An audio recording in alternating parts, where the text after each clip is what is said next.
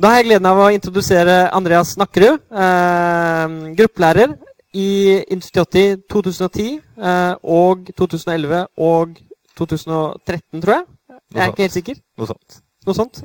Eh, nå skal vi regne gjennom eh, Du skal få lov til å regne gjennom eksamen og fortelle studentene hvordan eh, du tenker, og hva som skjer inni ditt hode når du møter en oppgave du ikke klarer å løse. Eh, jeg skal trekke meg tilbake, men min oppfordring til alle dere er å spørre underveis. Hva var det som var vanskelig? Eh, spør om alt mulig rart. Og det er et poeng at det er ikke jeg som står her nede. eh, fordi eh, dere trenger å høre det av noen andre. Så må du huske å repetere spørsmålet, sånn at alle får det med seg. Det, Det skal jeg huske. ja, bra. Vær så god. Ja, takk. Eh, dere kan tenke på nå allerede, og også litt i pausen. Hvis vi rekker å komme gjennom dette på mindre enn to timer, så gjør jeg gjerne andre oppgaver hvis det er oppgaver i boka dere har lyst til å se løsningsforslag på, eller hva som helst. Men jeg skal gjenta denne beskjeden før pausen. Da setter vi i gang med løsningsforslag til prøveeksamen. Roger har vært så snill å lage et eksamenssett til meg på 36 sider. Det er omtrent det dere må regne med på skriftlig eksamen. Verste jeg har fått, tror jeg var faktisk var på 15, men det var ikke her på bygget. Så eh, dere har vel nå, alle har vel sett på oppgavene. Hvor mange har sett på oppgavene så langt? Basically alle. Ja, fint. Eh, jeg regner oppgavene som jeg ville gjort dem på eksamen. Eh, og det er omtrent det jeg skriver som jeg ville svart også. Så vi starter med oppgave 1A, mengdelære. Skriv ned alle delmengdene til C. Og her har vi da fått oppgitt en mengde C, som er mengden som inneholder X, den inneholder Y, og den inneholder en mengde. Og akkurat hva som er i den mengden, det, det kan vi se på når vi kommer dit. Så alle delmengdene til C det kan vi skrive Jeg hadde ikke så mye plass på denne sliden. Men til å begynne med så har vi jo alltid den tomme mengden. Den tomme mengden er alltid en delmengde av enhver mengde. Fordi alle elementene i den tomme mengden er nå med i C. Eh, så tar vi de enkleste delmengdene etter den tomme mengden. Det er de som inneholder bare ett av elementene i C. Og det siste elementet i C Her må man passe nøye på og klare å skille på hva som er delmengder og hva som er elementer. Det som står her, etter dette komma og den siste krøllparentesen, det er et element. Det er også en mengde, men det er et av elementene i C. Så en delmengde jeg skal prøve jeg skal bruke rødt sånn at det blir tydelig. En delmengde, en en delmengde av C må ha elementer fra C. Det jeg har markert i rødt her nå, jeg skal ikke peke der, det jeg har markert i rødt her nå, det ser dere at er et av elementene i C. Vi har selvfølgelig flere delmengder. Nå skriver jeg dem bare litt fort opp. Det er den som har x og y. Det er den som har x og dette litt større elementet. Det er den som har y og kunne jeg markert i rødt, men sånn. Og så er det selvfølgelig c selv. Uh, og til slutt der så tror jeg faktisk at jeg på en eksamen ville bare skrevet opp C. Fordi poenget er at enhver mengde er en delmengde av seg selv. Og når jeg da bare skriver navnet på mengden i stedet for å kopiere mengden, så jeg også, føler jeg også at jeg har vist at jeg har faktisk forstått akkurat det poenget. Og igjen, det står at C er lik den mengden her. sånn at når jeg skriver C, så har jeg skrevet Det blir det samme som jeg hadde skrevet ut mengden. Det er oppgave A. Oppgave B er følgende påstander sanne eller usanne. Vi blir ikke bedt om å gi noen begrunnelse her. Sånn at i svaret mitt så ville jeg bare skrevet sann eller usann etter hver av dem. Men argumentasjonen går som følger. A er ikke en delmengde av B. Fordi A har et element som ikke er et element i B. Hva er elementene i B? Det er Y, og det er mengden som inneholder X. Ikke X, men mengden som inneholder X. Så A er ikke en delmengde av B. Usann. Er B en delmengde av C? Vel, B inneholder to elementer, Y og mengden som inneholder X. Y er et element i C, men mengden som inneholder X, er ikke et element i C. Hvis dere lurer på det, hvis dere, tenker, hvis dere da lurer på Ja, men hva da med Ja, hva med denne her igjen? Her er det jo en mengde som inneholder en X. Ja, Men mengden som inneholder X, slik den står her, er ikke nøyaktig det samme som det som står der. Vi skal ikke begynne å sammenligne sånne ting. Vi skal se er det nøyaktig de samme tingene. Det er det ikke. Så den er også usann. Er A et element i B? Her blir det morsomt, for nå snakker vi om mengder som da også kan være elementer. A er nå hele den saken der. Jeg skal viske ut litt, sånn at vi får litt tydeligere.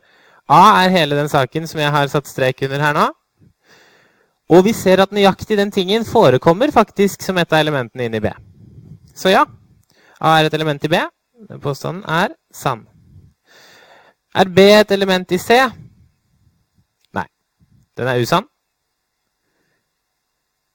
C inneholder mengder, men ikke akkurat mengden B.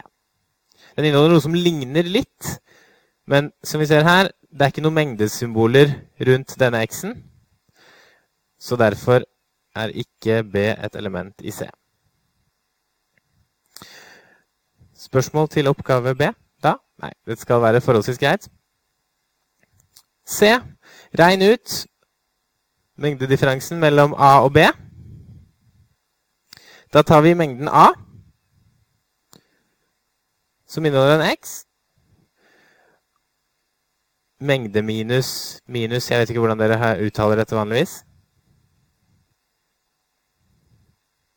Og spørsmålet hvordan er denne operasjonen definert? Hva skal vi nå gjøre? Vel, vi skal ta denne første mengden her. Kopiere den, men vi skal fjerne alt det som forekommer i den andre mengden her. Og da ender vi opp med x. Fordi det er ingen av elementene i B som også er elementer i A. Så vi fjerner ingenting når vi fjerner elementene i B fra A. Hvis vi tar B og fjerner A, så får vi nøyaktig det samme. Fordi A inneholder ingen av elementene i B. Så B minus A, da skriver vi bare at det blir B. Eh, eller dere kan skrive det ut sånn som jeg gjorde der, men jeg tror at jeg på den. Hm? B har som et element mengden som inneholder x, mens, e, mens, A er en mengde som inneholder x. Og x og mengden som inneholder x, er to forskjellige ting. Eh, så jeg kan godt skrive den ut. B minus A, det er mengden Y og mengden som inneholder X. Og så fjerner vi alle elementene i den mengden. Og da ser vi, hvis vi skal påvirke B, så må det være fordi det elementet som står der, forekommer inni. Og det gjør det ikke. Det ligner på overflaten kanskje litt på det, men vi ser at det er ikke nøyaktig den samme tingen. Ja. Så derfor blir det Dette blir bare B igjen. Og ja det er såpass greit å skrive utledningen at her kan vi gjerne bare skrive utledningen også. A union B, eller union, den er greiere igjen.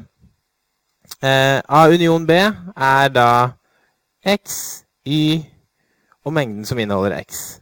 Da slår vi sammen de to mengdene. Det er forholdsvis enkelt. Union kan dere. B union C. Når vi tar B union C, så ser vi at y forekommer i begge mengdene. Da skal vi jo ikke repetere den, fordi Unionen er mengden av alt som forekommer i den ene eller den andre eller begge. Så da får vi x i mengden som inneholder x, og mengden som inneholder både x og y. Det er B union C. Og til slutt, hva er kardinaliteten til B kryss A union C?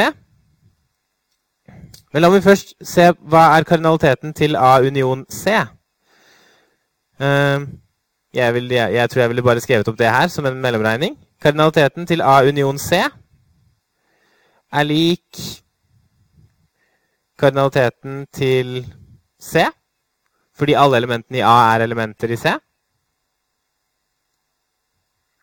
Og den er lik 3. Her er det lett å gå i fellen at man sier at den er lik 4, men det er den ikke. Hvor mange elementer har C? Den har ett element. Opp, det var dårlig farge ett element, to elementer,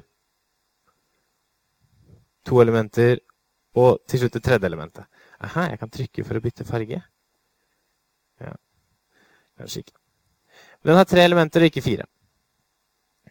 Så hva er da kardinaliteten til B krysset med A union C? Kryssproduktet av B og A union C. Vel, det er kardinaliteten til B. ganget med kardinaliteten til A union C.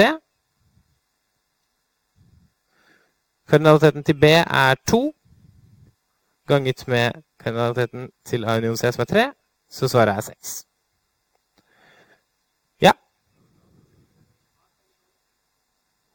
Eh, det er antall elementer i mengden. Så kardinaliteten til en mengde er antall elementer i en mengde. Hvis dere har et spørsmål eh, som, er, som, er, kritisk for, eh, for det jeg går gjennom, og jeg ikke ser opp og oppdager det i tide, så bare rop ut. Det er veldig fint. Som jeg sa, eh, så prøver jeg nå å skrive alt det jeg Ja? Man må se det litt an. Når det står 'begrunn svaret', så føler jeg at her har jeg begrunnet svaret. Fordi jeg tolker det som at det jeg skal begrunne, er Altså, Jeg skal begrunne hvorfor det jeg oppgir, er kardinaliteten. Kardinaliteten til en mengde, kardinaliteten til unionen av to mengder, det er liksom enkle ting. Det denne oppgaven spør om, er kardinaliteten til et kryssprodukt. Så hvor mye du forklarer eh, Ville du forklart hva kardinaliteten er? Du må alltid se det an selv. Eh, men jeg har, jeg har, rettet eksamener i dette kurset før også, og jeg ville ikke trukket noe som helst på, på denne måten å si det på. Eh, jeg ville ikke engang klaget dersom du strøk den linjen der. Hvis det står at kardinaliteten til B krysset med A union C er lik kardinaliteten til B ganget med kardinaliteten til A union C er lik også bare tallene, så er det nok. Fordi hvis dere får til det, så skjønner jeg at dere vet hvordan dere regner ut kardinaliteten til disse mengdene. Uh, ja. ja. Det er jeg helt enig i. Så spørsmålet var Da skal jeg huske å repetere spørsmålet. Spørsmålet var er det, hvis eh, du i matematikk hadde fått oppgaven med da, vis utregning, så blir dette tilsvarende. Begrunn svaret ditt er som vis utregning. Det er helt riktig. Uh, som, jeg sa, så, ja, som, jeg sa, så, løser jeg nå dette som om dette var en eksamensoppgave jeg fikk. Uh, jeg sa tidligere at jeg har sett på oppgavene, men det er bare for å forsikre meg om at jeg ikke har glemt deler av pensum, siden jeg ikke var gruppelærer nå. Så jeg har ikke løst oppgavene på forhånd. Uh, sånn at det skal være, jeg skal bruke omtrent så lang tid som jeg ville gjort, og faktisk ikke skippe noen steg, så har jeg faktisk ikke gjort utregningene. Så hvis jeg av og til kløner litt og gjør en feil, så må dere for all del si ifra. for det It's been known to happen. Oi. Ja, det var dette. Nå fikk jeg en blank side, og da kan jeg fjerne Sånn. Oppgave to. Her kommer det noen påstander som du må ta stilling til. For hver påstand skal du finne ut om den er sann eller usann. Hvis du mener påstanden er sann, gi et kort argument for hvorfor. Hvis du mener den er usann, finn et moteksempel eller forklar hvorfor det ikke kan være slik. Oppgave A. Hvis f og g er to formler, så er det alltid slik at enten f impliserer g eller g impliserer f er oppfyllbar. Så hvis f og g er formler, så vil alltid en av disse to implikasjonene mellom dem være en ny oppfyllbar formel. Eh, jeg mener at det er tilfellet. Og grunnen til at jeg mener det er tilfellet, er Jeg kan sette opp følgende sannhetsverditabell for f og g. F impliserer G, og G impliserer F. Og så fyller jeg ut. Jeg vet ikke om dere er vant til å fylle ut i denne rekkefølgen eller i motsatt rekkefølge. Jeg tror dere er vant til motsatt rekkefølge, er dere ikke det? Ja, men da gjør vi det sånn, for det er ikke noe grunn til å gjøre det vanskeligere enn det. Sånn. F impliserer G. Sannhetsverditabellen for den her nå blir 1, 0, 1, 1. Og G impliserer F 0, 1 eh, Beklager. 1, 1, 0, 1. Er dere enig i det? Ja? Og, er, hvor, og da er spørsmålet hvorfor er dette et godt nok argument? Fordi F og G vi vet jo ikke om Det kan hende at F er en kontradiksjon. Og hvis F er en kontradiksjon, så er det veldig rart at jeg nå har skrevet at F kan enten være sann eller usann. Poenget mitt er at hvis F er en kontradiksjon, da er vi nødt til å ignorere disse to radene, de to øverste radene. Hvis F er en tautologi, da er vi nødt til å ignorere disse radene. Tilsvarende, hvis G er en kontradiksjon, så G må være usann, da må jeg ignorere disse to radene. Jeg må bare se på radene hvor G er sann. Men uansett om F er en kontradiksjon eller tautologi eller hva som, helst, hva som helst, så vil det alltid være slik at enhver valuasjon vil gjøre F sann eller usann, og G sann eller usann. Og uansett hva disse valuasjonene gjør med f og g, så ser vi at det finnes ingen valuasjon som gjør både f og g usanne samtidig. Eller begge, nei, både f impliserer g og g impliserer f usanne samtidig. Så uansett hvilken valuasjon du tar, så må en av dem være sann. Eh, og da vil alltid en av dem være oppfyllbar. Fordi la oss si at hvis f eh, La oss se på denne f impliserer g. Og anta at f impliserer g ikke er oppfyllbar. Anta at f impliserer g ikke er oppfyllbar. Hvis den ikke er oppfyllbar, så må den være en kontradiksjon. Og hvis den er en kontradiksjon, så må den alltid være usann.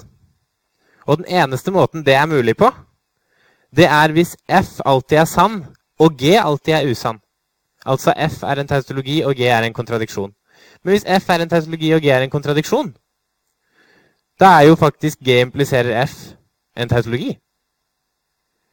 Så hvis f impliserer g ikke er oppfyllbar, så er g impliserer f en tautologi, og definitivt oppfyllbar. Ja?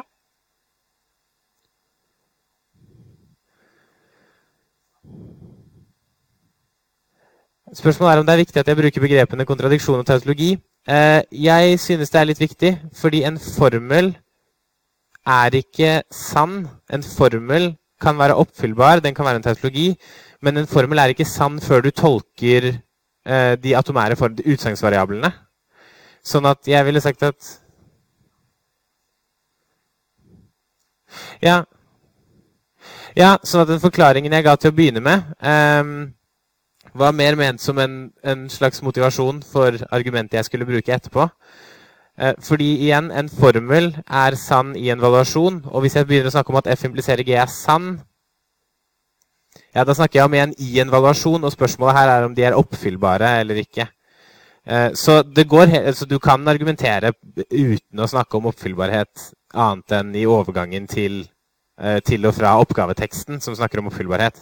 Men jeg ville her holdt meg til oppfyllbarhet og gyldighet, kontradiksjon, ja, altså tautologi, kontradiksjon osv.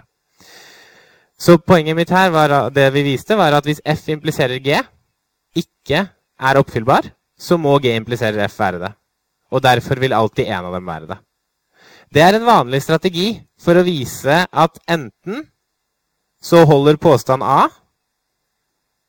eller så holder påstand B.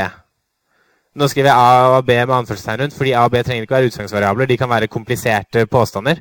Hvis du skal vise at enten så er A sann, eller så er B sann, eller enten så er A oppfyllbar, eller så er B oppfyllbar, anta at den første er usann, og så vis at du kan utlede den andre. Fordi hvis den første ikke er usann, da er du ferdig allerede. Ikke sant? Hvis F impliserer G er oppfyllbar, ja, da er vi ferdige, da. Anta at den ikke er oppfyllbar. Siden det har konsekvens at G impliserer F er oppfyllbar, ja, da er vi igjen ferdige. Se. Da går vi videre til neste. Det finnes en utsagnslogisk formel F, slik at enhver utsagnslogisk formel er en logisk konsekvens av F. Da sier vi at F er en La oss skrive vi har F, og så skal vi si at eh, Beklager. G er en logisk konsekvens av F. Det er sånn dere er vant til å lese det? Skrive det? Er, kan noen nikke hvis det er riktig? Ja, fint. Så G er en logisk konsekvens av F. Og så er spørsmålet eh, Finnes det en formel slik at dette er sant for enhver G? Så finnes det en formel F slik at dette er sant uansett hva G er. Da må vi se på definisjonen av logisk konsekvens. Eh, G er en logisk konsekvens av F hvis alle valuasjoner som oppfyller F, også oppfyller G. Så hvis alle valuasjoner som oppfyller F, også oppfyller G, da er dette sant. Og den enkleste måten å sikre det på, er å sørge for at ingen valuasjoner oppfyller F. For hvis ingen valuasjoner oppfyller F, så vil alle valuasjoner som oppfyller F, ingen, også oppfylle G. Er dere enige? For det finnes ikke noe moteksempel. Det er en viktig antakelse. Hvis jeg sier at uh, uh, Vel, alle kattene på scenen danser. Du kan ikke si at det er usant. Det er ingen katter her som ikke danser. Så alle kattene på scenen danser.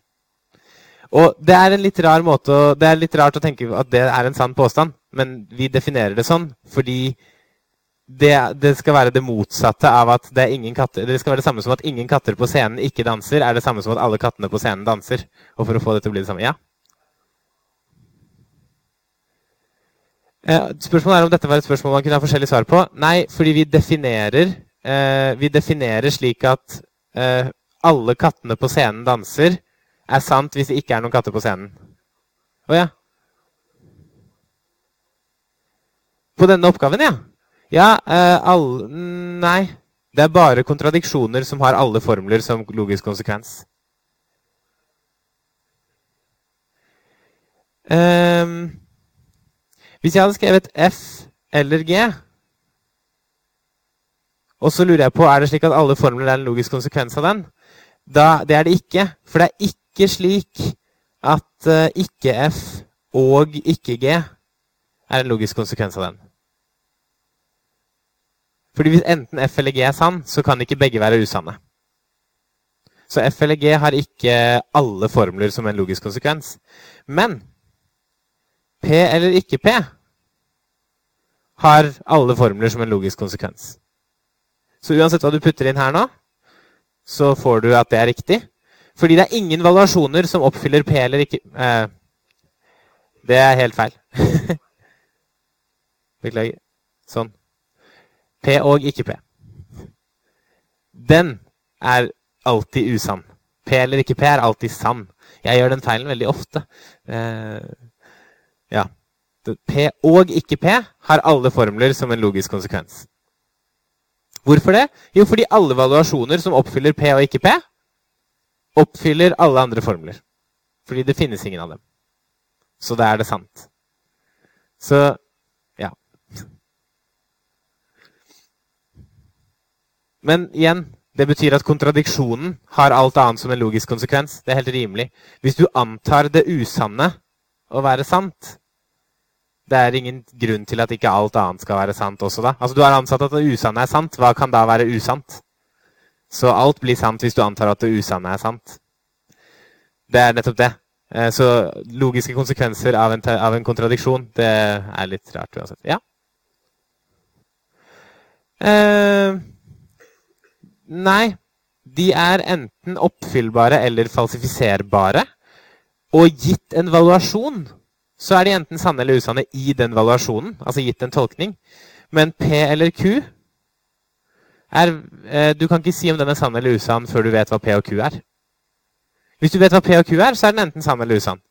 Hvis du ikke vet hva P og Q er, eller P, verken P eller Q, så må vi si at nei, vi vet ikke. Eh, kanskje den er sann, kanskje den er usann. Det kommer an på P og Q. Men det er ikke alle formler som er sånn. Eh, fordi P eller ikke P den er jo sann uansett. Uansett hva P er, så er den sann. Så da kaller vi den gyldig. Eller en tautologi. Eller Ja, det finnes flere begreper. Men den, alt, den, må være sann uansett hva du velger P til å være.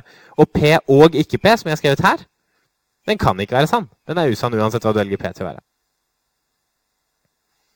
Så spørsmålet var finnes det, eh, eller Påstanden er det finnes en utsagnslogisk formel F, slik at enhver utsagnslogisk formel er en logisk konsekvens av F. Ja, det gjør det. P og ikke P. Fordi enhver valuasjon som oppfyller P og ikke P, vil også oppfylle alle andre formler. Det er svaret på den oppgaven. Ja, jeg må nesten bare gå videre, eh, så får vi heller komme tilbake til det på slutten. Hvis det er flere spørsmål til den oppgaven. Det finnes en utsagnslogisk formel som er både oppfyllbar og falsifiserbar. Både oppfyllbar og falsifiserbar betyr at du kan gjøre den sann, og du kan gjøre den usann. Ok, Kjapp konkurranse så enkel som mulig formel som har den egenskapen. Ja. Det var flere forslag. P vant. Det er den enkleste formelen som er både falsifiserbar og oppfyllbar samtidig. Og igjen, det er vanlig at formler er både falsifiserbare og oppfyllbare.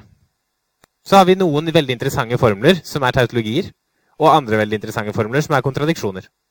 Som har den egenskap at de kan bare være den ene tingen.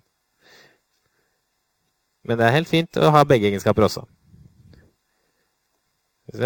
Sånn. Den var grei. D. finnes det to uendelige mengder A og B, slik at A både er et element i B og er, element, eh, og er en delmengde av B.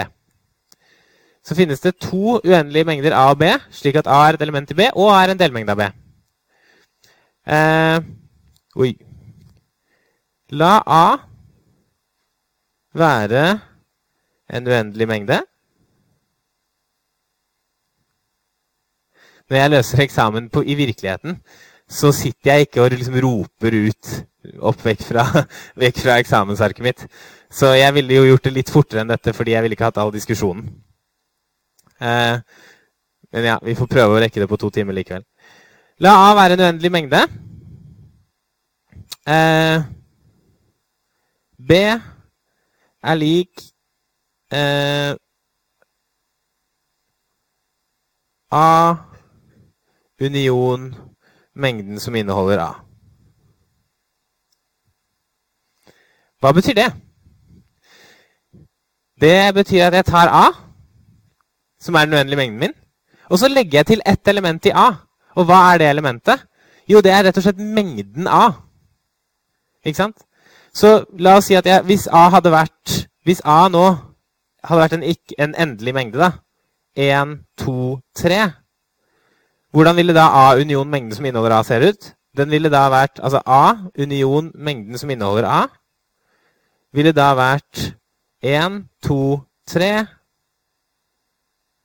1, 2, 3. Ikke sant? Jeg trenger hele mengden inni. Så jeg tar mengden, kopierer den og putter den inni seg selv. Da får jeg den, denne tingen her. Eh, nå ser vi at A er et element i B, men A er også en delmengde av B. Så svarer jeg ja. Det finnes to slike uendelige mengder. Hvis A er uendelig, så er B også uendelig, fordi B har ett mer element enn A.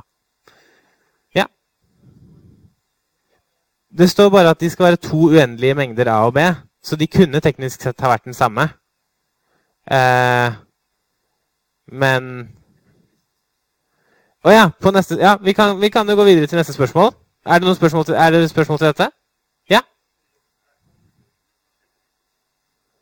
Eh, eh, det er litt eh, i, de mer, I de formelle definisjonene av mengdelære, når man gjør det veldig formelt, så finnes det ikke en mengde av alle mengder. Fordi den er paradoksal.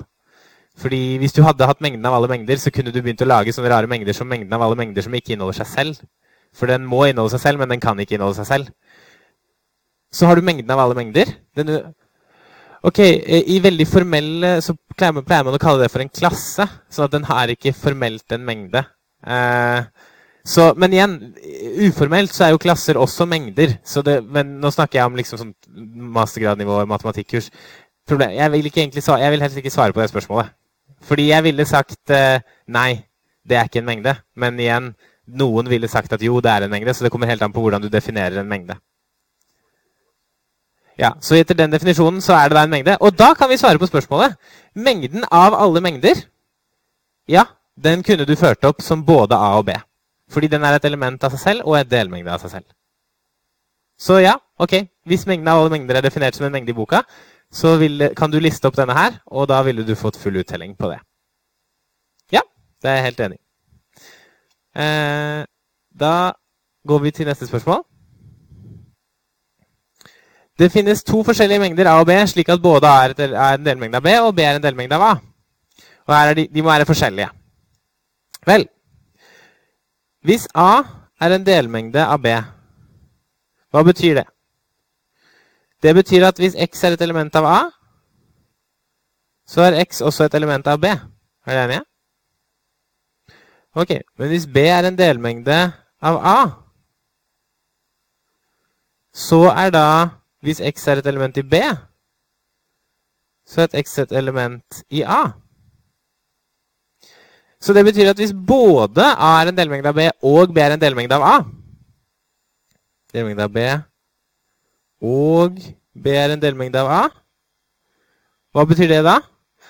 Det betyr at x er et element i A hvis og bare hvis x er et element i B. Så da finnes det ikke noe element som er i A uten å være i B. Eller noe som er i B uten å være i A. Og da er ikke A og B forskjellige. De er faktisk like. Så nei, det finnes ikke to forskjellige slike mengder. Spørsmål til den? Ja?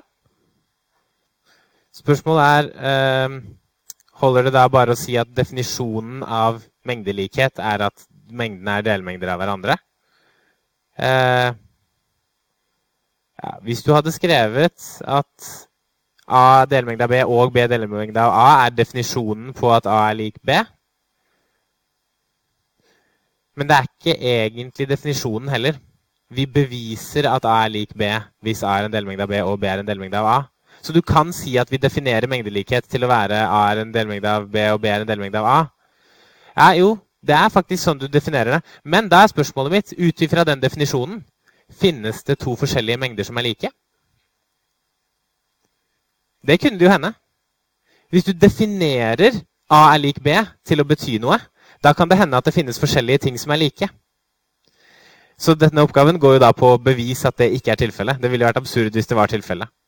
Så jeg ville sagt nei, det holder ikke å referere til den definisjonen. Du må faktisk vise det også. Eh, det sagt så tviler jeg på at jeg ville trukket mer enn Jeg tror ikke jeg ville trukket noe hvis du hadde skrevet det, for det er en topoengsoppgave. Så jeg ville nok ikke trukket deg noe for å skrive, referere til definisjonen. Ja.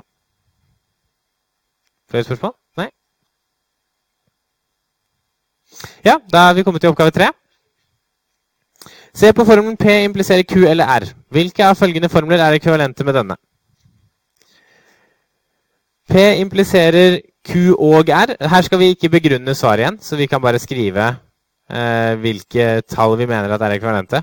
Hvis P impliserer Q eller R, det betyr at hvis vi vet P, så følger det at enten Q eller R er sann. Det følger ikke at begge er sanne.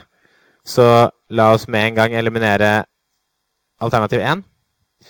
Eh, alternativ 2 derimot dere husker kanskje at hvis A impliserer B, det er det samme som ikke A eller B?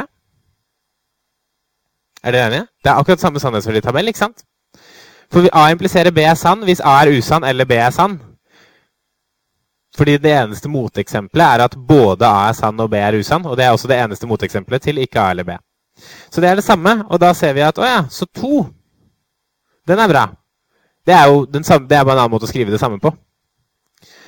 Eh, og så er spørsmålet da Husker dere De Morgans lov? Som sier at A eller B er det samme som ikke A og eh, også med en negasjon utenpå. Husker dere den regelen? Fordi hvis ikke det er sant at ikke A og ikke B, så må enten A eller B være sann. For det er ikke sant at begge er usanne. Da må en av dem være sann. Så de formlene er den samme.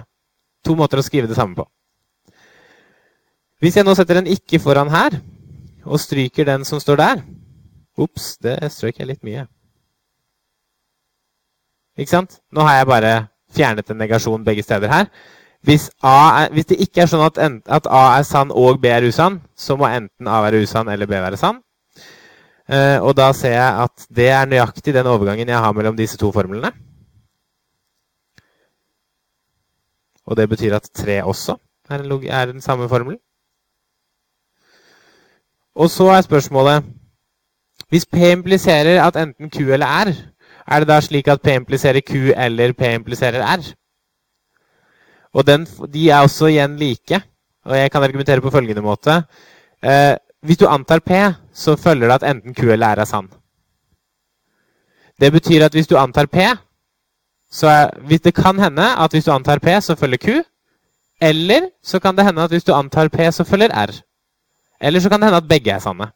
Fordi fra P så følger enten Q eller R, og da kan vi splitte det opp i to. Fra P følger Q, eller fra P følger R. Jeg kan også vise det, fordi da liker jeg å vise det fra denne i stedet. Fordi hvis ikke P eller Q eller R, så må det jo være sant at ikke P eller ikke P eller Q eller R. Jeg bare repeterer ikke P. Det burde ikke an å si. Så bytter jeg an på rekkefølgen. Og så får jeg ikke P eller Q eller ikke P eller R. Og så ser jeg at dette er P impliserer Q, og dette er P impliserer R.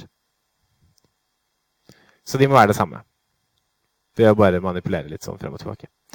Så fire også. Fem? Nei, fordi da måtte den L-en her plutselig blitt en Åg. Det er jo ikke sant. La oss se på et annet tidspunkt. Ok, eh, La oss si at P er at det regner. Q er at det blir vått på bakken. Og R er at eh, det er romvesener i hagen. P impliserer Q eller R. Vi kan være enige om det alle sammen, kan vi ikke det? Hvis det regner, så blir det enten vått på bakken, eller så er det romvesener i hagen. Det er ikke slik, Men vi kan ikke fra det igjen konkludere at hvis det regner, så blir det vått på bakken. Og hvis det regner, så er det romvesener i hagen. For da gikk vi fra en eller til en åg, og det var ganske kritisk, fordi den eller-biten var ganske kritisk for å få med romvesenene i hagen. Um, vi klarte å snike dem inn sammen med at det liksom ble vått på bakken. Det var ganske lurt, egentlig. Uh, Q eller R impliserer P. Det blir heller ikke det samme. Dere kan sette opp sammenfølgetabell hvis dere vil det. Uh, men, her, men hvis vi tenker på det med å gå over til den eller-versjonen, så kommer jeg til å få en negasjon foran her når jeg bytter det til eller. Og hvis jeg har en negasjon utenfor en parentes med eller inni, hva, ender, hva blir det inni da når jeg løser opp parentesen? Da blir det òg inni, ja. Helt riktig. Så da kommer jeg til å få en 'og' inni her. Og den blir jeg ikke kvitt, sånn at jeg klarer ikke å få det likt med den, som inneholdt bare eller-formler. Men Hvis dere setter opp sannhetsverditabeller, så ser dere det også. Det er mange måter å se dem på. Eh, men det er, den, det er sånn jeg ville sett det umiddelbart. At å ja, hvis jeg gjør om dette til en eller-formel, så får jeg en 'og'. Det skal jeg ikke ha. Dette er ikke det samme.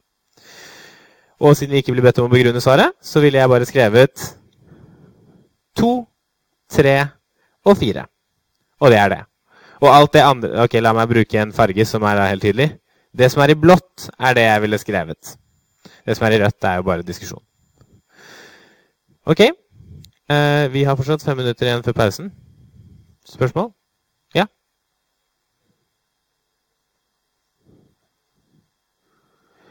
Eh, denne, så spørsmålet er hvor mange poeng vil du bli trukket hvis du mangler én eller to?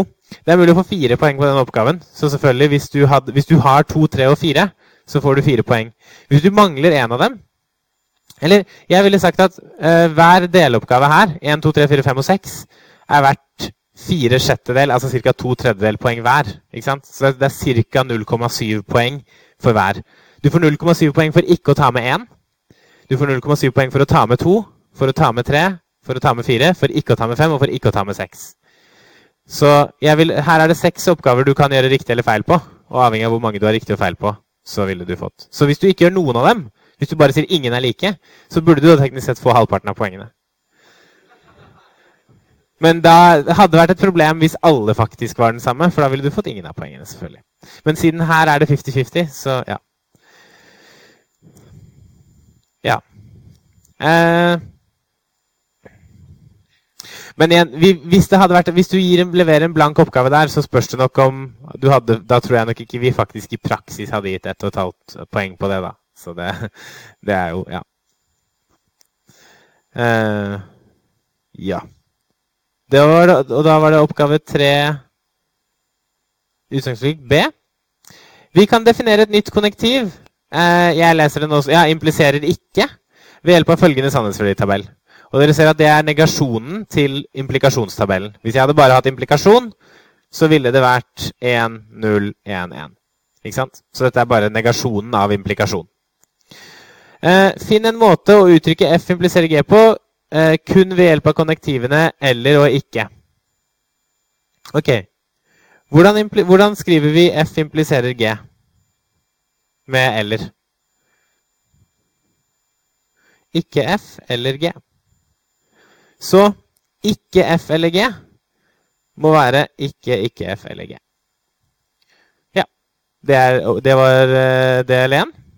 Finn en formel som kun inneholder F Ja. Eh, ja. Og begrunnelsen på svaret her, da ville jeg skrevet at eh, F impliserer ikke G. Er det samme som det? Er det samme som det? Enkelt og greit. Det trenger ikke mer begrunnelse. For det er åpenbart hvorfor altså, Det er ingen som kommer til å spørre om er om å begrunne den biten. Hvis du vet den biten, så aksepterer vi at da vet du at det faktisk stemmer. To, Finn en annen måte å uttrykke F og G på ved hjelp av kun eh, ikke impliserer ikke. F og G. Hvordan kunne vi få den om til en eller-formel? Det kommer til å være nøkkelen her. F og G er det samme som ikke, ikke F eller ikke G. Ja. The Morgans lov. Det er ikke sikkert at dere har lært den under det navnet, men det er den, lov, det er den regelen som forteller hvordan du bytter mellom og og, ikke, og og eller ved hjelp av negasjoner. Det som står her, det kan vi skrive om til en implikasjon. Hvilken implikasjon blir det?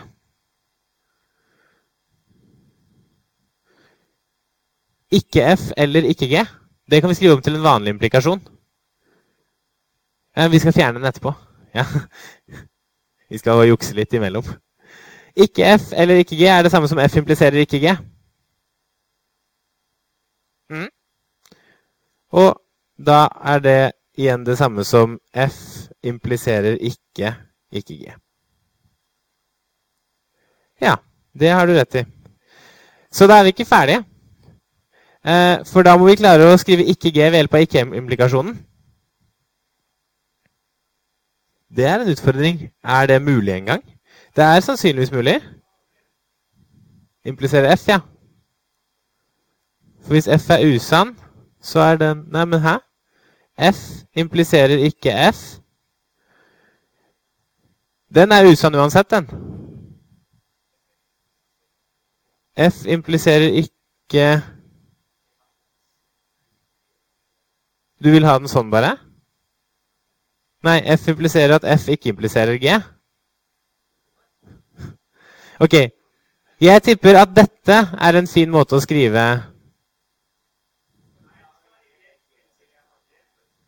Er ikke det ikke F? Men er ikke det ikke F? Det jeg har skrevet her. Nå peker jeg på skjermen. Ja.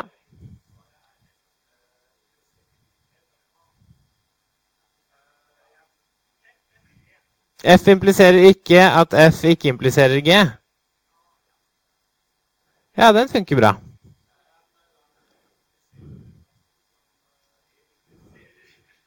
Ja. Ja, så det at dette er det samme som ikke F Er det ikke det om Eller Det er det man kunne brukt da i den formelen jeg hadde med ikke G. Men det var ikke den beste måten å gjøre det på. Så her har man da F og G. Og da er jo spørsmålet eh, Fordi jeg skulle nå vise hvordan Nå skal jeg vise hvordan man faktisk løser disse oppgavene. Så da stiller jeg spørsmålet Hvordan var det du kom frem til denne? Var det ved hjelp av prøving og feiling, eller var det Ja, prøving og feiling. Ja. Så prøving og feiling og sannhetsverditabell som bevis, det er faktisk en måte å løse sånne oppgaver på. Eh, jeg ville nok faktisk foretrukket å gjøre den måten jeg holdt på med, selv om det ble en mye styggere løsning. Fordi da stykker jeg det opp i mindre og mindre problemer. Jeg klarte å få òg, men da hadde jeg en ikke inn i bildet. Og da måtte jeg klare å uttrykke ikke. Men nå viste det seg at det var ikke så veldig lett, det heller. Så på noen av disse oppgavene så er det kanskje prøving og feiling som er beste strategi. Eh, da tar vi pause, og så fortsetter vi om et kvarter. Da fortsetter vi der vi slapp. Eh, før vi går videre, skal jeg bare ta kjapt igjen oppgave 3b. Eh, hvordan vi kan løse den. For et alternativ er å sette opp og bare utvide den sannhetsverditabellen som allerede står. Og si at nå skal vi sette sammen F impliserer ikke G, som har sannhetsverdiene 0, 1, 0, 0, med en eller annen annen formel. Og vi vil at den formelen vi da får, skal være sann hvis og bare hvis både f og g er sanne. For det skal være det samme som f og g, ikke sant? Så det betyr at den formelen vi får, skal bare være sann i denne øverste raden av sannhetsverditabellen. Eh, og da ser vi at det er bare i denne raden her at f impliserer g Altså den f impliserer ikke g er sann. Og da ser vi at den første raden må være et ett-tall, og den andre må være null. Eh, så det betyr at vi Nå var det dumt at jeg ikke lagde nok plass her. Fordi i den øverste raden så har jeg den nullen her. Fra F impliserer ikke G. Og Men da kan jeg skrive f.eks. at F impliserer ikke Fordi da får jeg 1, 1, 0, 0. Og da får jeg den riktige raden her. For da får jeg 1 på 1 og 0 og 0, 0, 0. Sånn at den raden her blir da den samme som f og g. Så f impliserer ikke at f ikke impliserer g. Gi meg da løsningen. Så man kan utvide sannhetsverditabellen på den måten for å se hva løsningen burde bli. Da hopper vi videre til oppgave fire. Relasjoner og funksjoner. La F være mengden av alle filmer som ble vist i norsk kino i løpet av 2013, og la T, mengden av 1, 2, 3, 4, 5 og 6, være mengden av mulige terningkast. Anta at kraken er en av filmene, altså at kraken er et element i F. Oppgave A, to poeng. Hva er definisjonen av en funksjon fra F til T? Eh, en funksjon er, Har dere definert funksjoner som spesielle relasjoner, eller har dere definert funksjoner som en egen ting? Som spesielle relasjoner? Ja. Så en funksjon er en relasjon hvor det er slik at for alle x så finnes det nøyaktig én y, slik at x er relatert til y, eller f av x er lik y, eller f, x, f, y, eller hva vi vil. Så definisjonen av en funksjon fra f til t Jeg skriver den ikke ut her, for jeg har litt lite plass, men det er altså en av de. Slå opp i forelesningsstatene standarddefinisjon av funksjon. Ja. Eh, F krysset med T er jo eh, den universelle relasjonen mellom F og T. Sånn at uh, da får vi en delmengde av den igjen. Og den må være en delmengde som er slik at for alle x i F så finnes det nøyaktig en y i T. Slik at uh, x er relatert til y. Eller, ja, så jeg kan si sånn her, da. Um, jeg kan skrive det akkurat det. For alle f i ja, Ok, det var dumt å Vi kaller funksjonen for f, da. Så for alle x For alle x i f eh, finnes nøyaktig én i i t, slik at f av x er lik y, eller xfi, eller fxy. Alt ettersom hvordan dere liker å skrive relasjoner. Eh, oppgave B. Tre poeng. Hvilke av følgende relasjoner fra F til T er, funksjon, er funksjoner? Eh, den tomme mengden. Den er ikke en funksjon. Hvorfor ikke? Vel, fordi den sier ikke hvilken, hvilket terningkast kraken fikk. To. Mengden som inneholder paret kraken 4, er heller ikke en funksjon, fordi Eller det kommer litt an på. Det kan at det er en funksjon. Det kommer an på om det gikk mer enn én film anta er at Kraken er én av filmene. Det er ikke gitt at det var flere. Men vi kan trygt anta at det var mer enn én film som ble vist på norsk kino i 2013. Så dette er ikke en funksjon. Fordi den tilordner ikke alle filmer et terningkast. Og det må en funksjon gjøre. Tre. Så Se. Nei. Nei. Men på tre ja. Fordi den, for hver f i f så finnes det nøyaktig et tall som er slik at funksjonen tilordner det tallet til den filmen. Ikke sant? Alle filmer blir tilordnet eh, terningkast 6 og ingen andre terningkast. Og alle filmer får nøyaktig ett terningkast. Så det er, en, det, er det. Eh, til slutt så er det ikke den. Fordi denne funksjonen vil prøve å tilordne eneste, hver eneste film terningkastene både én og to. Og det går ikke. For en funksjon kan ikke gi to forskjellige verdier til samme film. Så det er ikke en funksjon. Så bare tre er en funksjon. Eh, og igjen, her ville jeg bare skrevet nøyaktig, nøyaktig det jeg har skrevet her. Nei, nei, ja, nei. Eller noe sånt. Oppgave C. To poeng la f være en funksjon fra f til t. La relasjonen r på f være slik at x er y hvis og bare hvis f av x er lik f av y. Er dette en ekvivalensrelasjon? Begrunn svaret ditt. Uh, hva er en ekvivalensrelasjon? Det er en relasjon som er uh, refleksiv, symmetrisk og transitiv. Så da er spørsmålet Ok, jeg definerer x er y hvis og bare hvis f av x er lik f av y. Og da er spørsmålet er det slik at x er x? Det må det være. for at den skal være refleksiv. Og det er det, fordi f av x er lik f av x. Ja, Så fint. Er det slik at den, den skal også være symmetrisk? Er det slik at x er y impliserer y er x? Sånn er det også. Fordi hvis f av x er lik f av y, så er f av y lik f av x. Likhet er jo symmetrisk, ikke sant? Så x er y er definert som at f, funksjonsverdiene er like. Og hvis funksjonsverdien til x er lik funksjonsverdien til y, da er funksjonsverdien til y lik funksjonsverdien til x. Rekkefølgen har ikke noe å si, så den er symmetrisk. Eh, hvis x er y og y er z, hva betyr det i så hva, det, hva forteller det oss? Ok, den, jeg får ikke tegne på bunnen av skjermen. Eh, så da tar jeg og visker ut de jeg hadde fra før. Hvis x er y og y er z, hva vet jeg da? Da vet jeg at f av x er lik f av y. f av y er lik f av z. Og da må f av x være lik f av z. Ikke sant?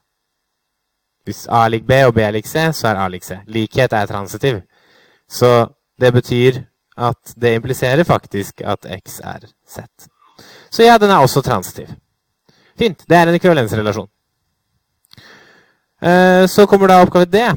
La f være en funksjon fra f til t som før, men la relasjonen s på f være slik at f av x, s, y, viser bare hvis forskjellen mellom f av x og f av y er maksimalt 1.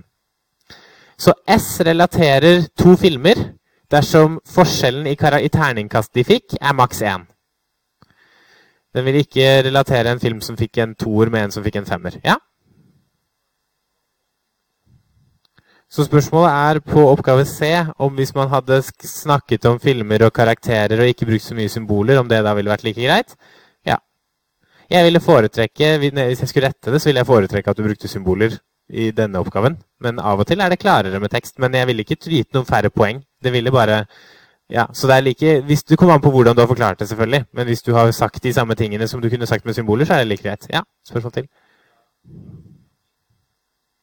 Så spørsmålet er holder det å si at uh, er lik er en ekvivalensrelasjon, og siden x er er definert til å uh, være sann hvis og bare hvis f av x er lik f av y, uh, så spørsmålet holder det da bare å si at er lik er en ekvivalensrelasjon, derfor vil r være det.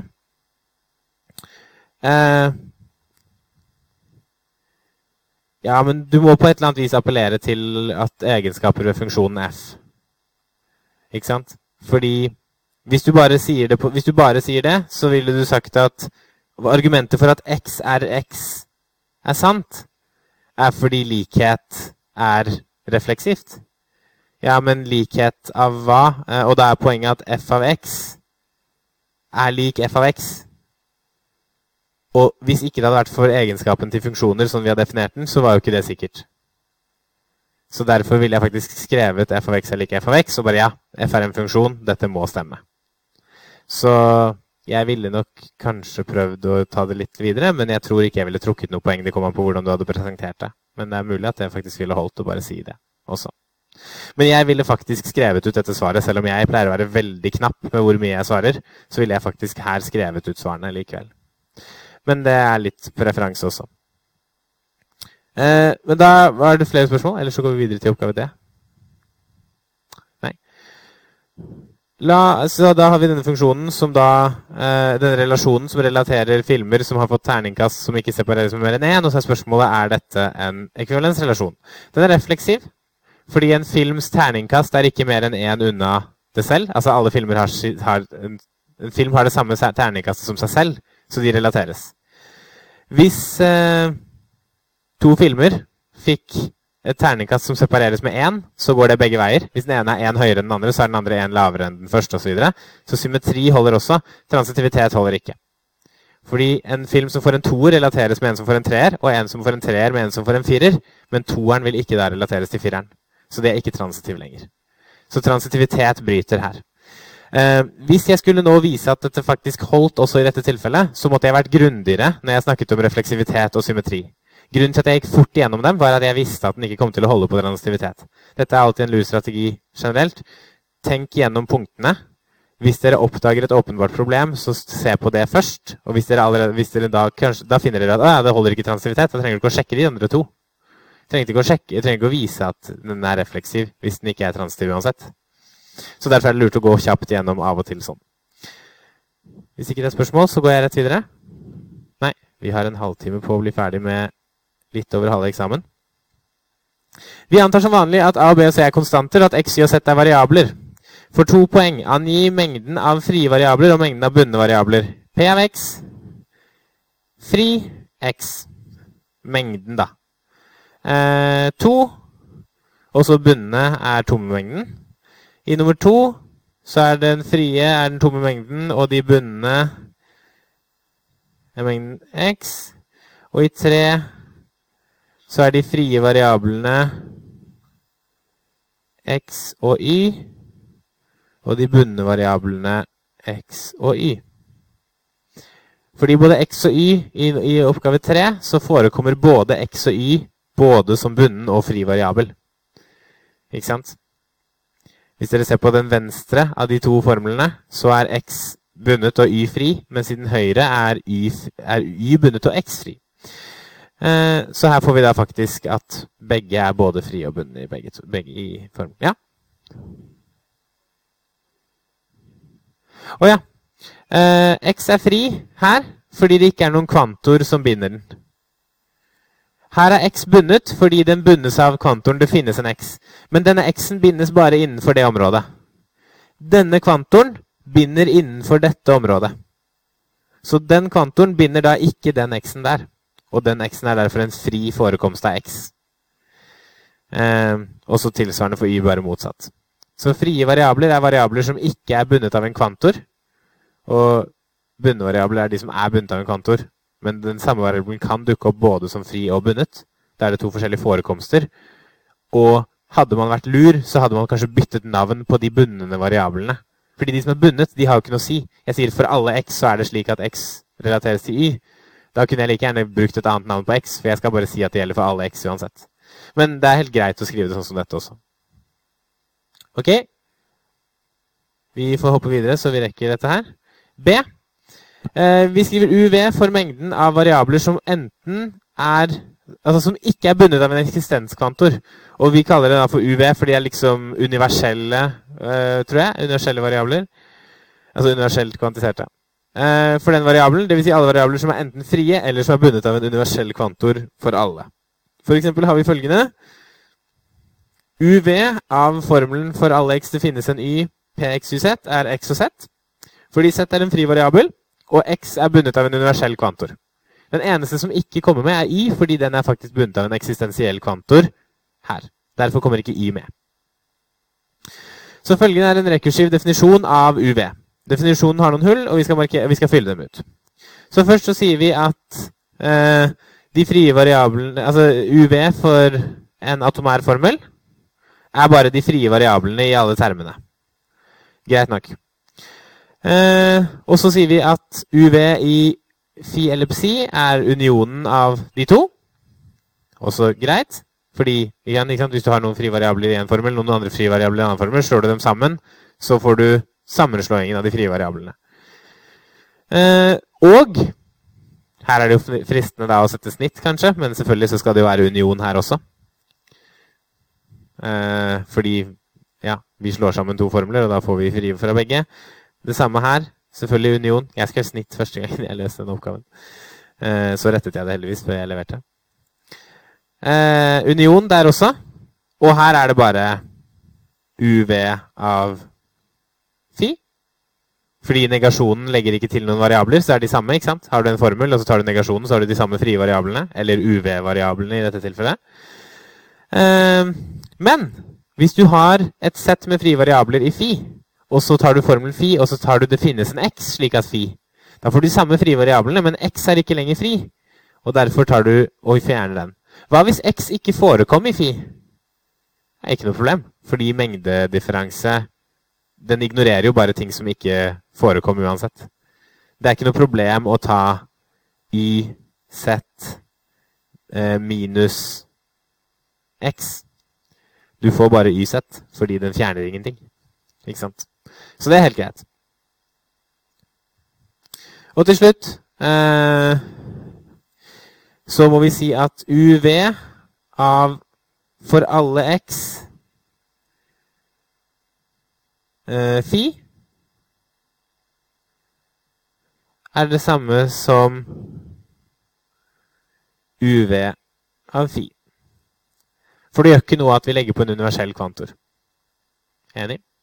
Ja. Det gjør ikke noe at vi legger på en universell kvantor her.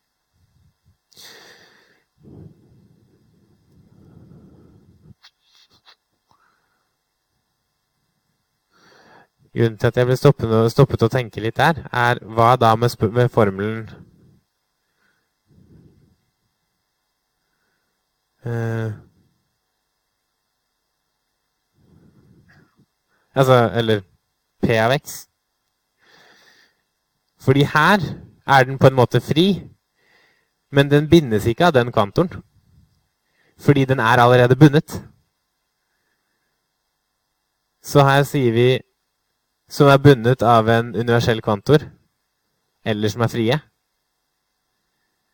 Mens etter denne definisjonen nå, så vil vi nå fjerne x når vi kjører eksistenskvantoren på den. Men x er teknisk sett ikke bundet av eksistenskvantoren, den er bundet av allkvantoren.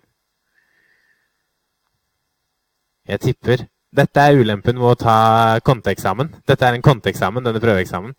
Det er at når man lager konteeksamen, så har man veldig dårlig tid på å lage en eksamen.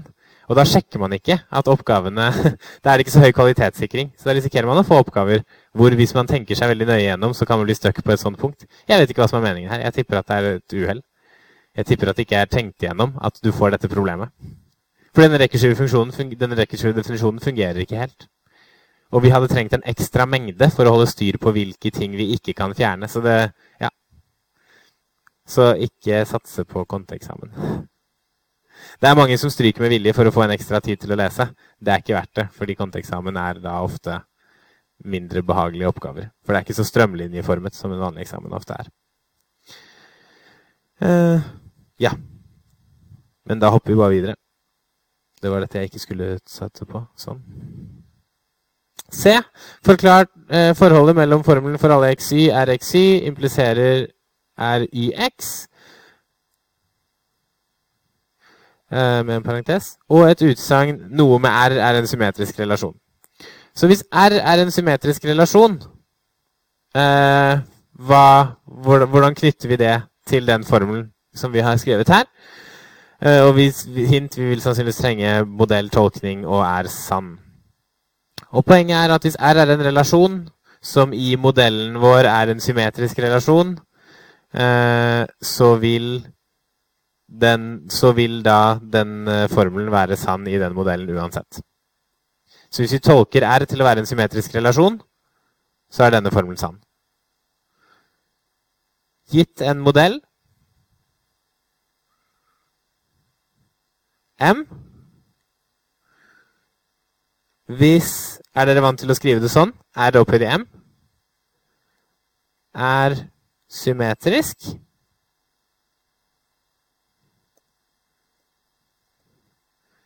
Da er for alle x y er x y impliserer r y x sann i m. Det var ikke veldig pent. Så gitt en modell M, hvis R, i, altså R tolket i M er symmetrisk, da er for alle xy, rxy er impliserer r i x sann i modellen M. Så det er sammenhengen mellom Ja, det er svaret på den oppgaven. Eh, det ligger her. Modellen M tolker R til å være symmetrisk. Ja, fordi R opphøyd i M er hvordan M tolker R. Ja, Så jeg fikk ikke begrepet, men jeg brukte symbolet i stedet for tolkning. Og det var, kommer tilbake til et spørsmål som ble stilt tidligere. Er det greit å bruke ord, eller burde man bruke symboler? Symboler er bare forkortelser for ord. Alltid. Og noen ganger er det enklere å bruke symbolene, fordi du har en lang setning, og så kan du putte en stor del av setningen inn i noen enkle symboler. Men det forutsetter at de som leser, faktisk forstår de symbolene. Hvis ikke de forstår symbolene, så var det helt meningsløst å bruke dem. Så når jeg skriver R opphøyd i M, da er det hva betyr det? R opphøyd i M? Uh, M er jo ikke et tall. Hva betyr det å opphøye R i det da? Vel, hvis, dere, hvis, vi liksom har lest om modeller, så vet vi at dette betyr R tolket i modellen M. ikke sant? Men man må passe på at man ikke bruker notasjon som ikke den som leser, forstår. da. Uh, så igjen, om dere velger å si det med ord, eller om dere velger å bruke notasjon, det er helt opp til dere. Så bare dere bruker standard notasjon der dere bruker notasjon. Da går vi videre til neste oppgave igjen. Det Gitt et førsteordensspråk uten konstant- eller funksjonssymboler, men med to nære relasjonssymboler P og Q, angi en modell M slik at det finnes en X P av X, det finnes en Y Q av Y, men det finnes ikke en X Altså modellen skal ikke oppfylle at det finnes en X slik at både P og Q er sann samtidig. Eh, la oss si at P er egenskapen eh, eh, fotballspiller, og Q er egenskapen eh, basketballspiller. Det vi skal gjøre da, er at vi skal lage en modell hvor det finnes fotballspillere det finnes basketballspillere, men det finnes ingen som er begge.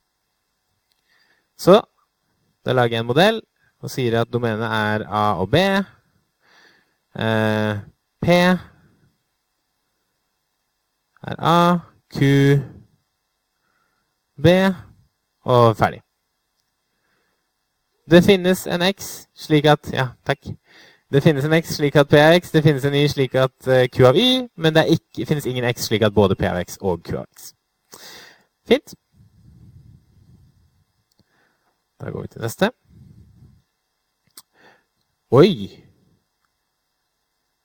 Gravteori. Kanskje vi rekker det? 20 minutter? Mm. Forklar hva en Euler-vei og en Euler-krets er. Gitt en graf Nå gjør jeg det litt kjappere enn jeg ville gjort det selv, kanskje.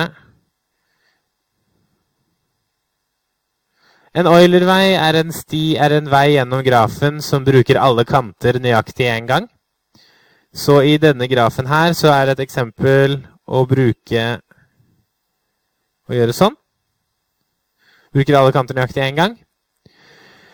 En Euler-krets er en Euler-vei som starter og slutter på samme sted. Det er Euler-vei og en Euler-krets.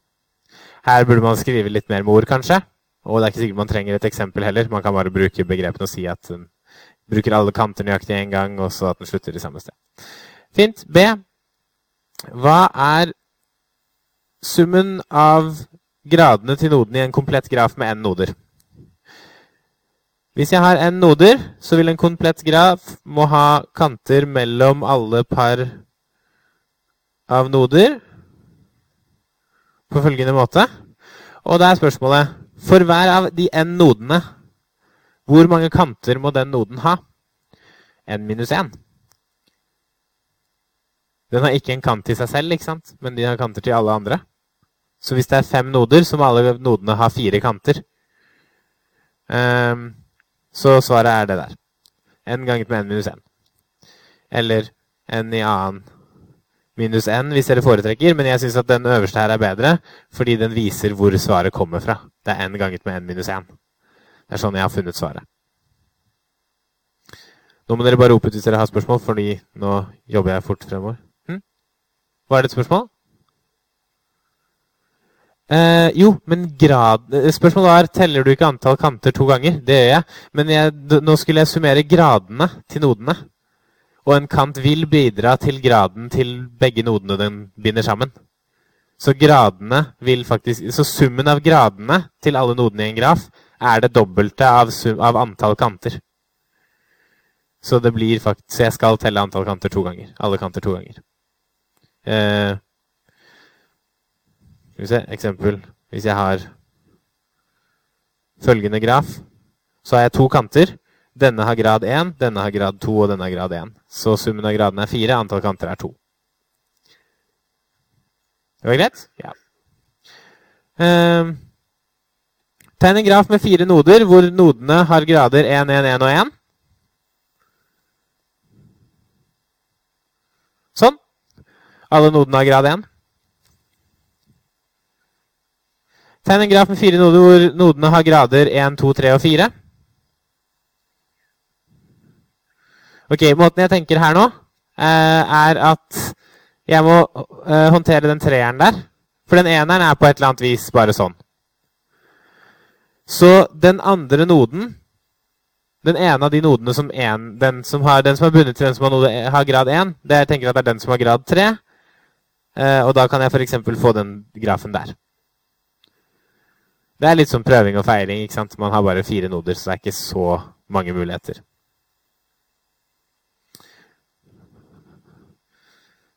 Eh, da er vi over på kombinatorikk, faktisk. Faktisk over på kombinatorikk allerede. Hvor mange funksjoner finnes det fra mengden 1, 1 2 osv. opp til n, hvor n er et positivt tall, heltall, eh, til 0, 1?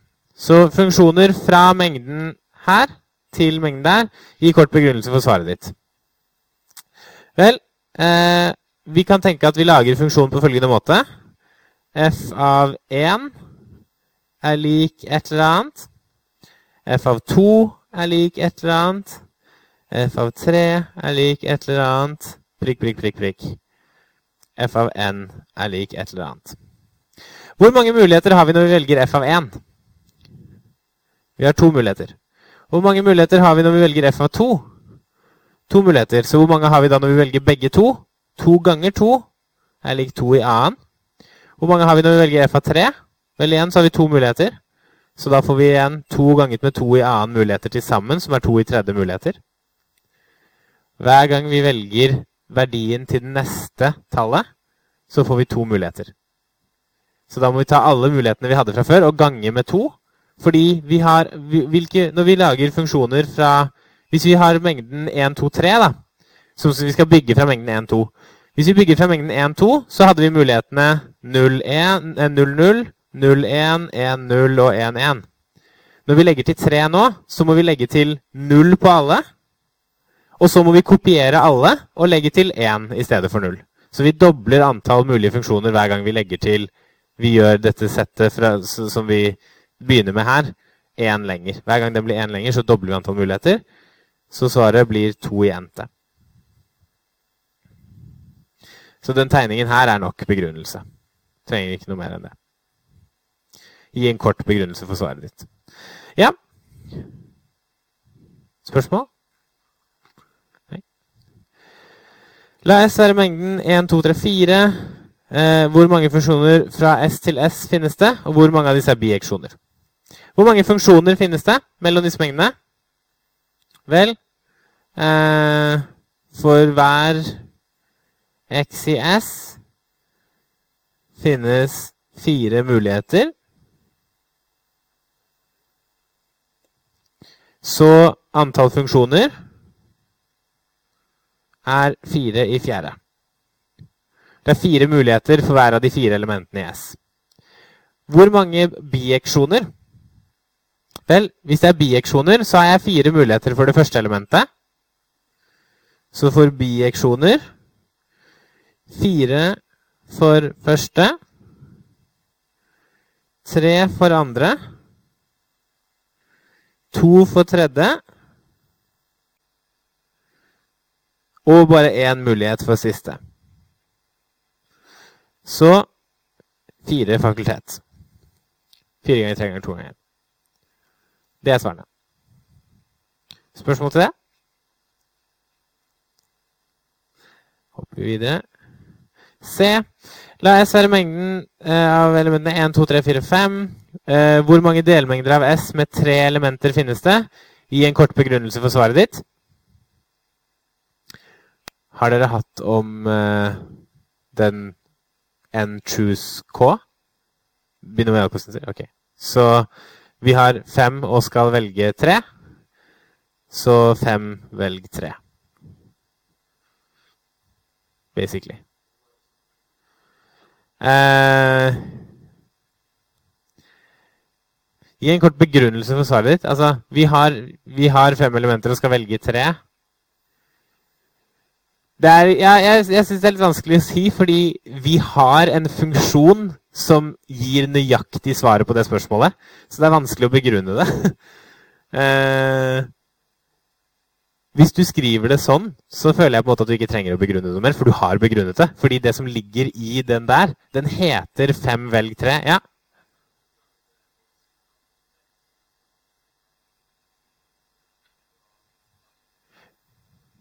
Ja, så du kunne sagt noe om det at siden rekkefølgen ikke har noe å si, så kan du bruke den. For hvis ikke så ville det jo vært permutasjoner. Så det er et godt poeng. da, å si Man kunne sagt noe sånn som at siden rekkefølgen ikke har noe å si fordi vi lager en delmengde, så kan vi bruke eh, den som kalles for NCR ofte. Eller den som teller antall utvalg. Ja?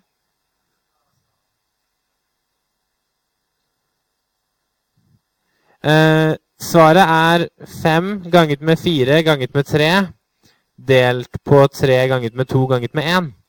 Og grunnen til det er at hvis du velger tre elementer ut fra fem, så er dette antall rekkefølger du kan velge de tre elementene på. Og dette er eh, antall rekkefølger per kombinasjon av tre elementer.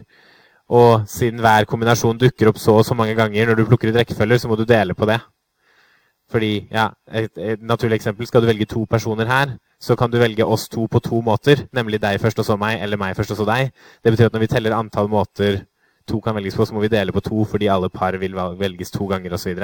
Blir det større, så blir det flere rekkefølger igjen også. Så formelen eh, for denne her er jo da at det er egentlig fem fakultet delt på eh, Ja, det er, det er eh, tre fakultet ganget med fem minus tre fakultet, vel? Det er det som er formelen, da. Altså, og så vil man jo vanligvis bruke bokstaver og ikke tall. Men, uh, og det er der man da ser at når du kombinerer disse to, så får du Da mister du toeren og eneren i fem fakultet oppe, og den blir stående nede. Men ja, begrunnelsen er at man kan si noe om rekkefølgen her. At rekkefølgen har ikke noe å si, så vi kan ikke telle permutasjoner, vi må telle kombinasjoner, og det gjør vi med fem over tre. Eller med den formelen her, hvis dere heller synes at det er bedre.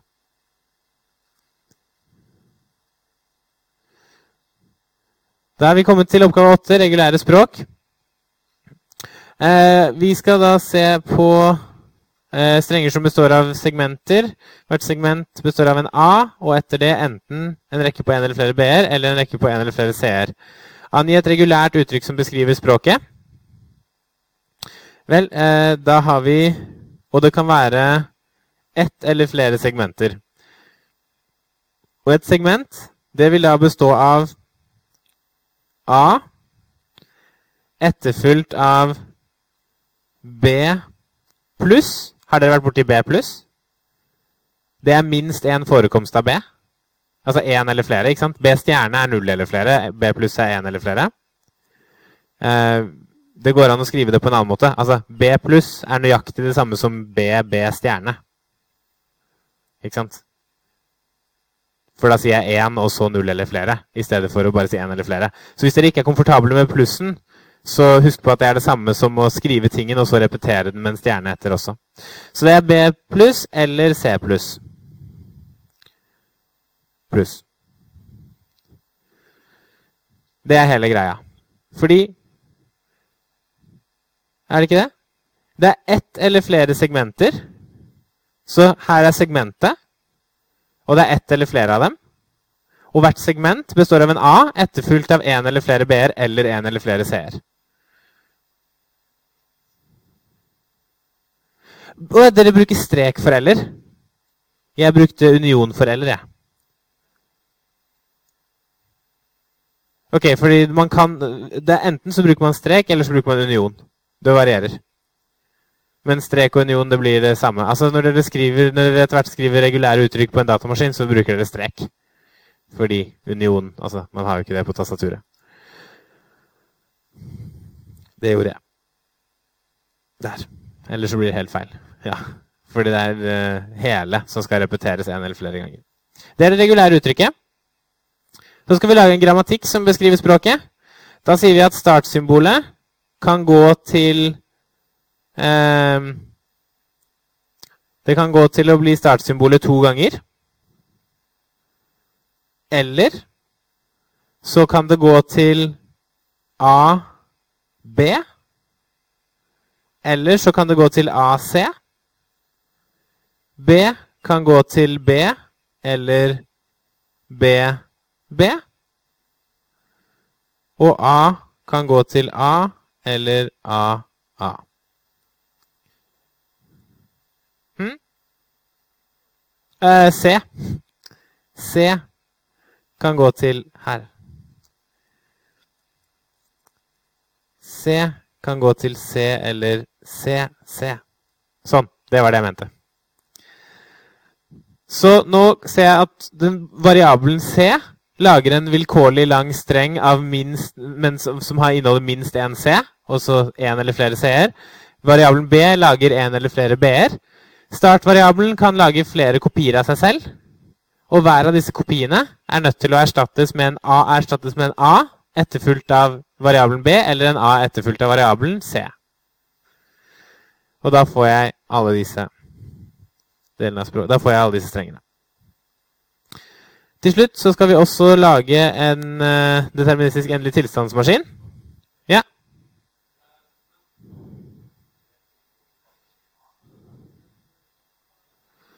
Uh, jeg skulle vel aldri gå tilbake til A. Ja, men det var fordi startvariabelen kopierer seg selv. Så hver, hver, hver kopi av startvariabelen måtte bli Ja, det var akkurat det. Jeg sa at S kunne bli til SS også. Og da fikk jeg da, Så da lager jeg så mange segmenter jeg vil ha, og så lager jeg segmentene etterpå. For eksempel. Eh, til slutt tilstandsmaskinen.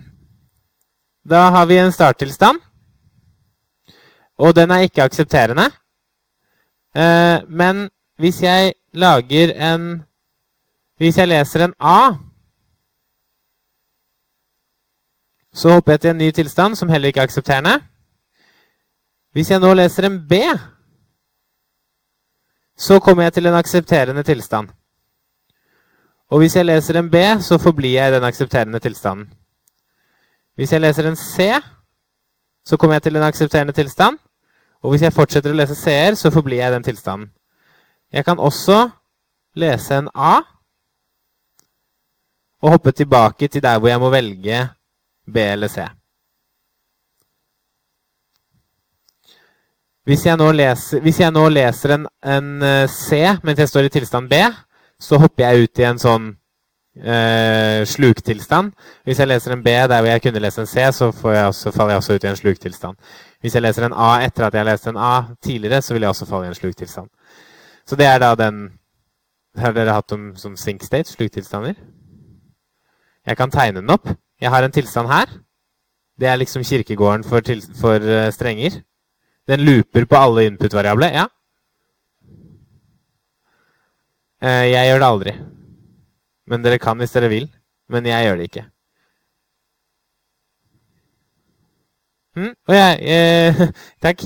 Burde man tegne opp disse sluktilstandene på eksamen? Jeg ville aldri gjort det. Men jeg skal tegne den nå sånn at dere ser hvordan det ser ut. For her ser dere at alle uønskede bokstaver, alle bokstaver som ikke burde dukket opp, bare, da sendes vi inn i denne tilstanden her. Og den tilstanden looper på alle bokstaver, og den er ikke aksepterende. Så det er helt umulig å komme seg ut av den tilstanden.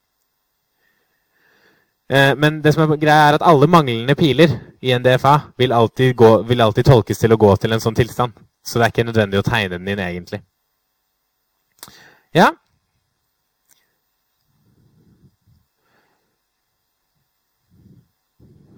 Nå har vi dårlig tid. Skal vi bare se. Det er bare de to igjen. Det rekker vi på fire minutter. Hvilke av følgende systemer med ligninger utgjør en korrekt rekkeskiv definisjon av funksjonen, eh, av funksjonen fra n til n? Eh, korrekt, fordi jeg vet hva starten er, og, for hvert eneste, og så kan jeg alltid regne ut neste verdien. Fordi f av n pluss 1 er definert ut fra f av n. Faktisk så vil alle verdiene her bare bli to hele tiden. Fordi siden f av 0 er 2, så vil f av 1 bli 2 i annen minus 2, som er 2. Da blir f av 3 2 i annen minus 2, som er 2, for det er 4 minus 2 hele veien. Eh, 2. Det er en helt fin definisjon i utgangspunktet, men vi vet ikke hva f av 0 er. Det vi vet, er at vi kvadrerer hver gang. da. Så hvis f av 0 er x, så vet vi at f av n er lik x opphøyd i 2 i n-te. Men vi vet ikke hva x er, for vi vet ikke hva f av 0 er. Så nei, den er ikke grei. 3. Eh, det er ikke en rekursiv definisjon. Vi, kan, vi, kan, eh, vi, skjønner hva vi mener her. Den rekursive definisjonen vil at f av 0 er 1, og f av n pluss 1 er lik f av n pluss 1. Men det er ikke det som står, så nei, ikke greit. Um, og den siste er helt fin, fordi vi får definert f av 0 og f av 1. Og så får vi definert f av n som en funksjon av en som ligger da to hakk ned. Men det går bra, for vi har 0 og 1, og da kan vi alle partallene og alle oddetallene hver for seg genereres uten problemer. Eh, fordi definisjonene i oppgave A regner ut f av 4 for de gyldige. f av 4 er greit. Vi vet at her er den 2, og vi vet at her er den eh, to ganget med forrige verdi, så her er den 4. Hvordan så jeg det? Jo, jeg ser at eh, denne definisjonen den tar fra partall til partall, eller fra oddetall til oddetall. Så f av 4 er det, eh, det er da to partall over f av 0. Og jeg dobler hver gang, så det blir at det, bare, det blir bare 4. Dere kunne bare regnet ut på papir også. Jeg bare gjorde det veldig kjapt. Ja? Eh, her, nei, det trenger du ikke. Det står regn ut, men kan, det holder å bare gi tallene her. Du kan vise utregning hvis du vil. se, la g1 være produktet av de første n positive oddetallene. Så G av 1 er lik 1, G av 2 er lik 1 ganger 3 osv. Gi en rekursiv definisjon av G. Du får bruke 1 som basistilfelle. Ok, Så G av 1 er lik 1.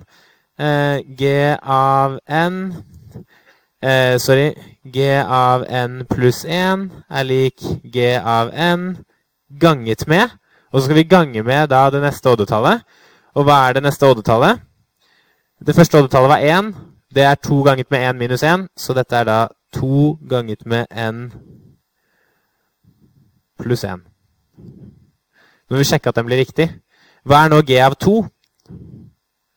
Eh, g av 2 er det samme som g av 1 ganget med 3. Ja, det er bra. g av 3 er det samme som g av 2 ganget med 5. Ja, så det er bra. Så dette er definisjonen. Uh, nå visket jeg ut masse.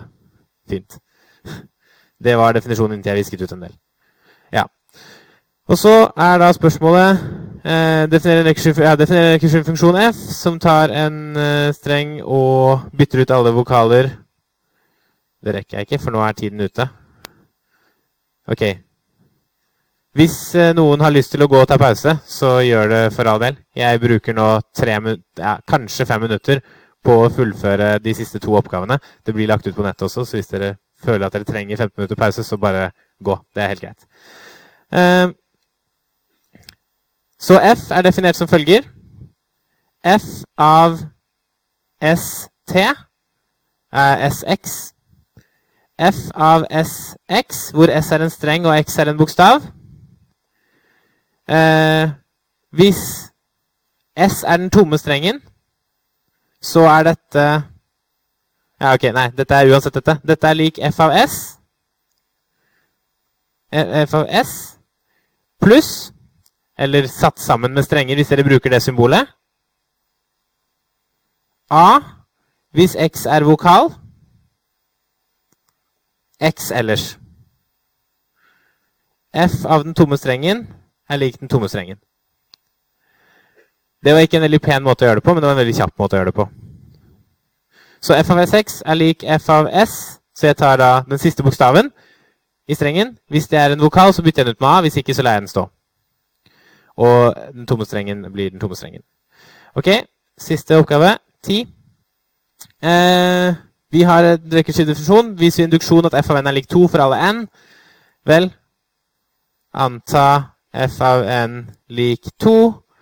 f av n pluss 1 er lik f av n i annen minus f av n er lik 4 minus 2 er lik 2. Basistilfelle f av 0 er lik 2. Ferdig. Induksjonssteget er jo bare å vise at hvis det gjelder for f av n, så gjelder det for fn pluss 1. I denne oppgaven så har dere fått svaret servert gjennom den definisjonen av funksjonen f. ikke sant? Induksjonsbevis over rekkursive funksjoner er generelt enkelt. Eh, B. Gitt følgende rekursive definisjon for g. Eh, vis at g av n 1 hvis n er et partall, og 2 hvis n er et oddetall. Den tror jeg kanskje vi må hoppe over, for den ser litt lenger ut. Bruk B til å vise at G en Ok, har sagt, da har jeg to minutter igjen, da. Ja, ok, vi prøver. Eh, G av n er lik 1 hvis n er et partall. Det stemmer jo til å begynne med, i hvert fall. G av n pluss 1 er lik 3 minus G av n. Så vi kan jo se hva de forskjellige verdiene blir. da. Det starter med å være 1, og så blir det 2. Og hvis du tar G3 minus 2, så får du 1 igjen. Så denne vil jo bytte mellom 1, 2 og 1 hele veien. Det ser vi, ikke sant? Det er veldig greit. Så for å vise det, eh, så antar vi Ja, vi må vise det separat for partall og oddetall. Vi viser det for to tall av gangen, kanskje. Hvis vi har vist at det gjelder Ok, det blir faktisk for mye styr. Det er mye å skrive på den oppgaven, fordi det her går ikke helt rett frem. Eh, vi må bevise to ting samtidig. Så jeg tror faktisk at vi er nødt til å stoppe der.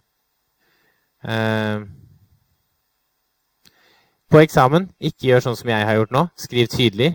Bruk ett ark per oppgave. Dere har sikkert fått alle disse tipsene tidligere, og jeg får sikkert mulighet til å gi dere det på nytt også. Um, ja. Lykke til. Vi legger ut dette på nett.